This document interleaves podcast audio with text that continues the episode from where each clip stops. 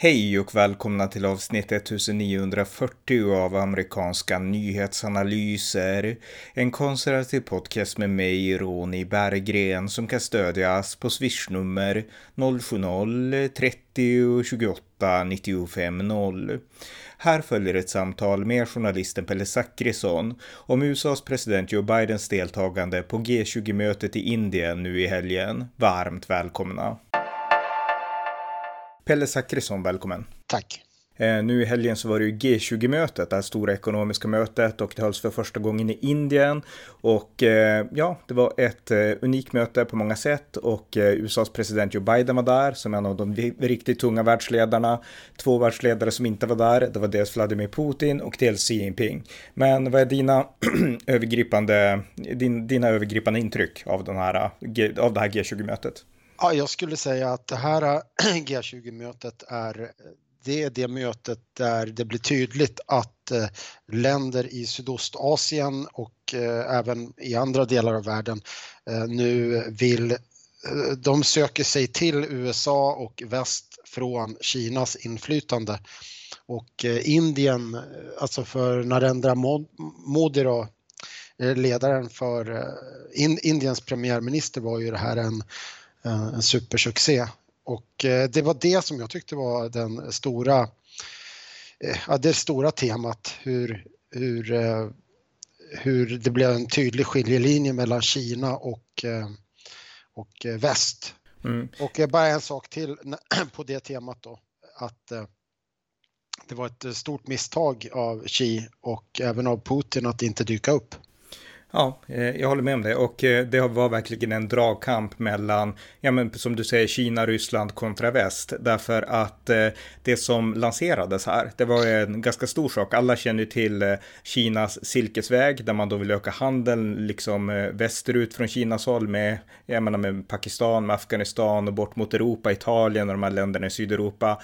Och nu försökte USA framför allt, men i samarbete med Mellanöstern och med, med Europa så kontra det och med Indien såklart. Och eh, man föreslår nu alltså ett, eh, ett projekt, ett partnerskap för att bygga ut eh, infrastrukturen till, alltså till, till Mellanöstern och till Europa och ja. att kontra liksom Kinas silkesväg. Ja, de, ska kalla, de kallar det då lite slänget för kryddvägen från Indien och den ska gå från Indien till Europa om jag förstått det rätt. Och det blir ju en infrastruktursatsning och det kommer att gå geografiskt genom både Saudiarabien och Israel så att de här två länderna eh, som är tidigare surna fiender om man kan få in dem i det här projektet så blir det ytterligare ett sätt då att eh, stärka alliansen mot Kina och mot Ryssland och mot Iran. Så att det, det finns ju väldigt mycket som, alltså det är ju ett väldigt eh, signifikant steg som man tar här. Sen så har det ju då kryddats med lite eh, tal om eh, miljö, klimatomställningar och sånt där och det, jag tror att om man är transatlantisk, eh, om man är vän av den här transatlantiska länken, då ska man nog inte fästa för stor, liksom, man ska inte sätta för mycket vikt vid just det, utan det viktiga här att ta hem, det är att nu byggs alliansen mellan eh, väst och Indien och de här länderna som är Däremellan. Ja, ja precis. Alltså då, det byggs upp och det är väldigt bra för Eh, både för USA och för Europa. Mm, verkligen, om man bedömer att det här skulle kunna öka eh, handeln mellan Europa och Indien med 40 procent, alltså om det här lyckas. Att det skulle vara väldigt framgångsrikt, för vi behöver Indien i kampen mot Kina, det är viktigt att betona det. Men sen en annan stor sak, det var också såklart att Afrikanska unionen släpptes in som en medlem på G20-mötet. Det var mycket, mångt och mycket Indiens initiativ och det är också viktigt därför att det råder en kamp eh, om Afrika också, där Ryssland och Kina har haft enormt mycket inflytande de senaste åren, inte minst. Kina har investerat investerat stora pengar. Ryssland har stort diplomatiskt inflytande och väst har egentligen inte, tycker jag, hanterat Afrika på det sätt som vi borde göra. Men nu när man får med liksom Af Afrikanska unionen i G20 och Kina och Ryssland är inte där, då markerar det ändå att väst vill interagera på ett nytt sätt med Afrika och det tyckte jag också var positivt. Mm. Ja, det är i, i, i många delar så var det ett för, för västvärlden ett eh, positivt möte och sen har ju då reaktionerna från från eh, bland annat republikaner i USA, då har man försökt att, att vinkla det här att Putin och Xi, att de inte var där som att det var något negativt. Nej, men det är ju precis tvärtom. Mm. Det är ju det var, ju, det var ju en chans för USA att skapa relationer och man gjorde faktiskt det. Sen skulle jag nog säga att det handlade mycket om att de här andra länderna som Vietnam till exempel eh, och eh, då Indien, det var de länderna som verkligen var intresserade av att skapa relationer med USA och med, med Europa. Så att det, men resultatet är ju det viktiga och det är att Eh, Eh, motståndet mot Kina och mot Ryssland har stärkts. Mm. Och, och, det var det som var syftet och vi kan säga att Joe Biden efter G20 då så reste han vidare till just Vietnam där han eh, ja, deltog på olika möten och eh, ja, höll en presskonferens och sådär. Och nu har han åkt vidare för att hålla ett tal i Alaska inför då, alltså det är ju 9-11 då i USA där man minns 22 år sedan terrorattacken. Men en sista sak också det är att eh, man gjorde också en deklaration och eh, på G20-mötet i, i Bali förra året då var det ett väldigt hårt fördömande av Ryssland. Och i år så var det inte lika hårt fördömande av Ryssland, utan man betonade mer att det ska vara lugn och ro, krig är inte bra, man får inte använda kärnvapen, men det var inte liksom, det var inte det här tydliga fördömandet av Ryssland i den här deklarationen. Har du någon ja. tanke om det?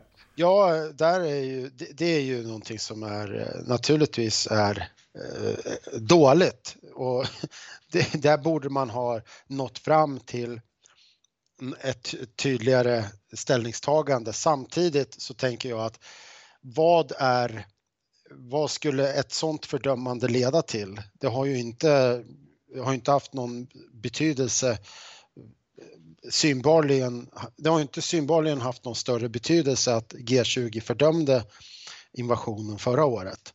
Och eh, jag tänker att det viktigare det är de här relationerna och att det, att det tydligare att Ryssland blir utfruset, att Kina eh, hamnar utanför och att man stärker relationerna. Men naturligtvis så är, det är ju, finns ju en möjlighet att det blir en relativisering av, av eh, invasionen av Ukraina och det är ju inte bra. Jag skulle säga att det finns, alltså det var väst som backade lite grann, för väst hade de här tuffa kraven för att döma Ryssland. Indien är inte inne på det spåret på samma sätt och andra länder är det inte, så att jag tror att väst gav efter lite grann där. Men det är nog som du säger, alltså att man, man släppte på det här teoretiska fördömandet för att få relationer som är viktiga för att i praktiken isolera Ryssland och Kina. Så att eh, det var förmodligen rätt sätt, rätt väg framåt skulle jag ändå gissa.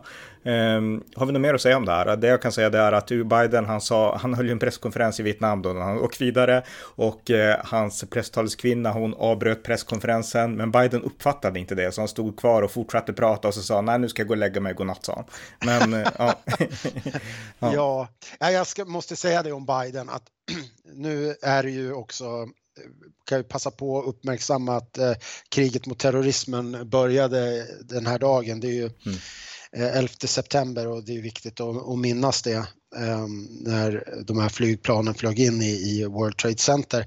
Men eh, jag skulle, jag skulle säga det att jag såg en intervju med Joe Biden, du har fått se den där, det här är, det här är 2001 och han är ju jätteskärpt och inte snabbtänkt, sen behöver man inte hålla med honom i allting men men han, det finns ju inga likheter med hur han agerar idag och att Joe Biden skulle vara eh, att Joe Biden är på något sätt kognitivt nedsatt, det tycker jag inte, det, ska, det finns ju inga tvivel om det. Jag är ingen läkare eller någonting men jag har ju ögon och öron att se och höra med. Ja, nej men jämför Biden för 20 år sedan med Trump för 20 år sedan. Liksom. Ja, och eh, det är också det där att om, man, om du tänker tillbaka på hur, hur eh, Trump bevakades av media under sin, först, under, under sin mandatperiod, mm. då var det ju, han blev ju så här, men han är galen, det måste till en undersökning, han måste göra det här, håller han på ramlar och så vidare. Men det är ju i princip ingenting sånt i, i den amerikanska vänsterliberala media idag. Nu har det ju först nu då så har de ju börjat prata om hans ålder, att det kan vara ett problem, men att han är kognitivt nedsatt eller att eh, liksom oro över det, det, det är helt, eh, existerar inte i, i, i de här stora mediehusen i USA. Nej, nej, det är en poäng som bör, bör lyftas fram. Men trots det så gjorde han ändå en hyfsat bra insats i Indien därför att ja. USA stärkte sin ställning och det är väl det som är yes. det övergripande ja. viktiga. Så att, ja, mm. precis. Alltså han, och det är också en sån här poäng, det är att även om man är kritisk till Joe Biden eller tycker att han är en dålig president så behöver man ha den förmågan att man kan lyfta fram det han gör som är bra och det han gjorde i eh, på G20-mötet, resultatet han levererade där, det är för USA och för resten av västvärlden, det är någonting bra och den här kryddvägen, det är ju, en, det är en, det är ju jättehäftigt. Mm, verkligen. Ja, men eh, tack så mycket Pelle Zackrisson. Tack. Tack för att ni har lyssnat på amerikanska nyhetsanalyser. En konservativ podcast som kan stödjas på swishnummer 070-30 28 95 0 eller via hemsidan på Paypal, Patreon eller bankkonto. Skänk också gärna slant till valfri Ukraina-hjälp. Tack igen för att ni har lyssnat.